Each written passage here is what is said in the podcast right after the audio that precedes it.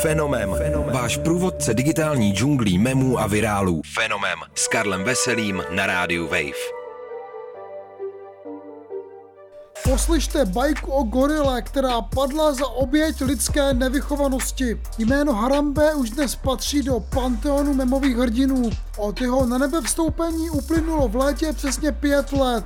Tady je Karel Veselý vy posloucháte Fenomém a v něm se dozvíte, jak se to všechno seběhlo.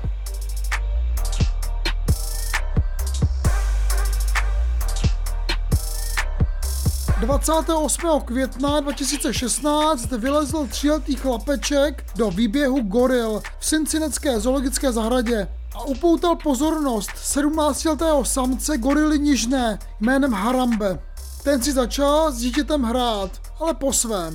Zřízenci dostali oba tole strach a vzácnou gorilu na místě zastřelili.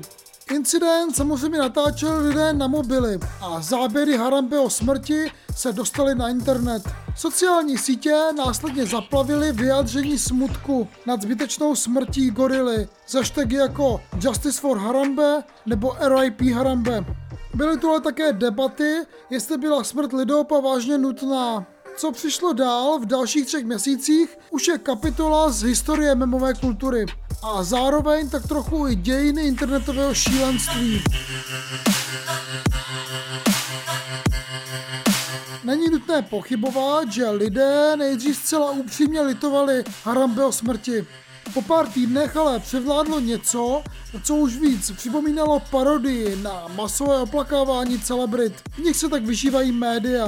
Portréty Harambeho kdo si vpasoval do hory Rushmore mezi obličeje amerických prezidentů. Internetem kolovala fotka z nebe, kde je Harambe po boku Prince a Davida Bowieho. Taky jste mohli podepsat petici, která žádala, aby se jméno státu Cincinnati změnilo na Harambe. Jiní internetoví aktivisté žádali postavit gorile sochu před Bílým domem. Jednoduše výrazy smutku byly tak přehnané, že jste se jim nemohli přestat smát.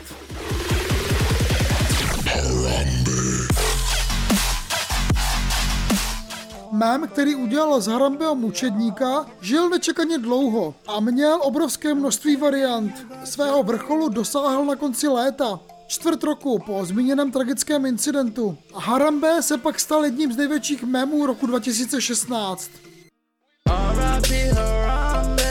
sipping on some Bombay, we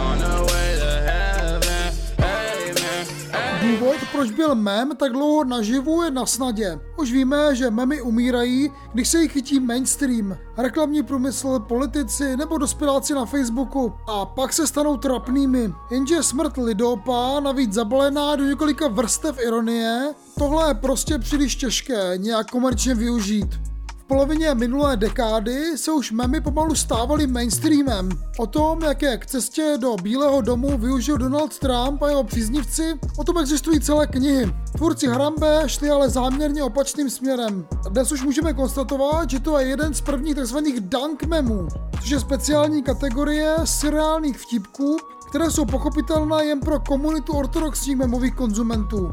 Ta už před pár lety nicméně vyrostla do takové velikosti, že mohla zrodit svoji vlastní ikonu v podobě zbytečně zabité gorily. I proto není Harambe zapomenut ani po pěti letech.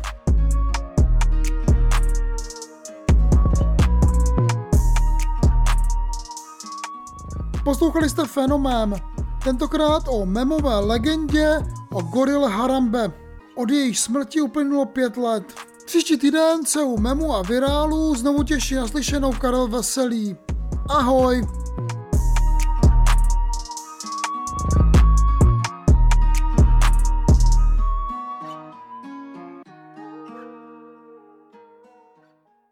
Fenomem.